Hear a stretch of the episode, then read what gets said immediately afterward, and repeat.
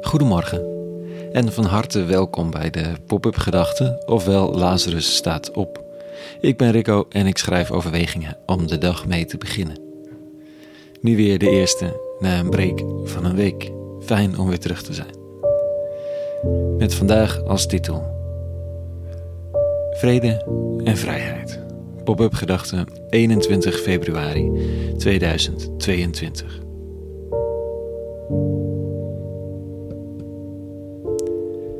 Afgelopen zaterdagochtend werden we nog vrolijk uitgenodigd in het leegstaande huis in een grensstadje van Bosnië.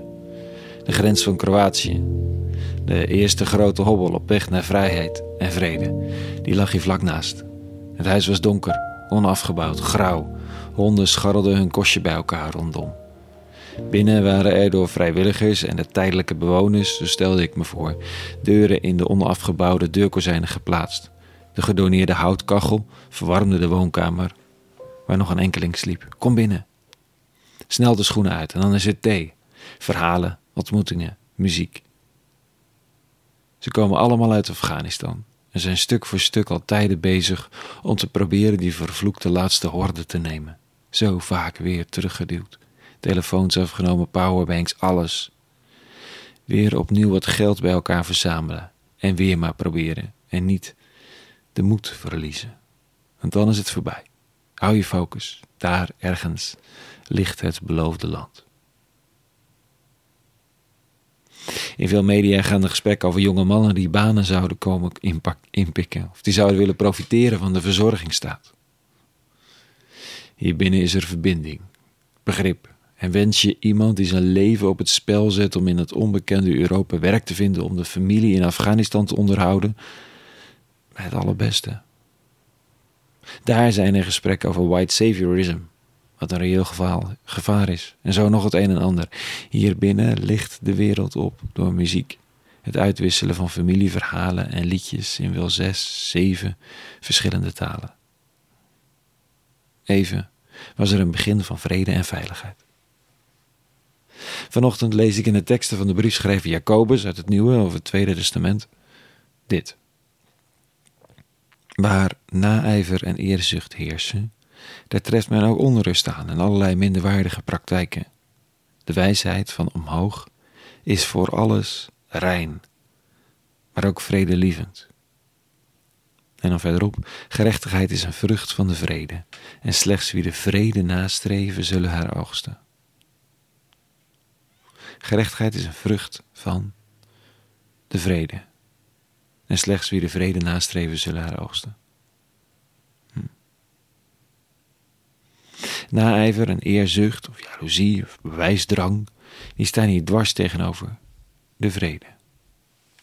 En gerechtigheid, dat waar, waar we allemaal wel naar verlangen, dat er eindelijk recht wordt gedaan, dat is een vrucht van de vrede.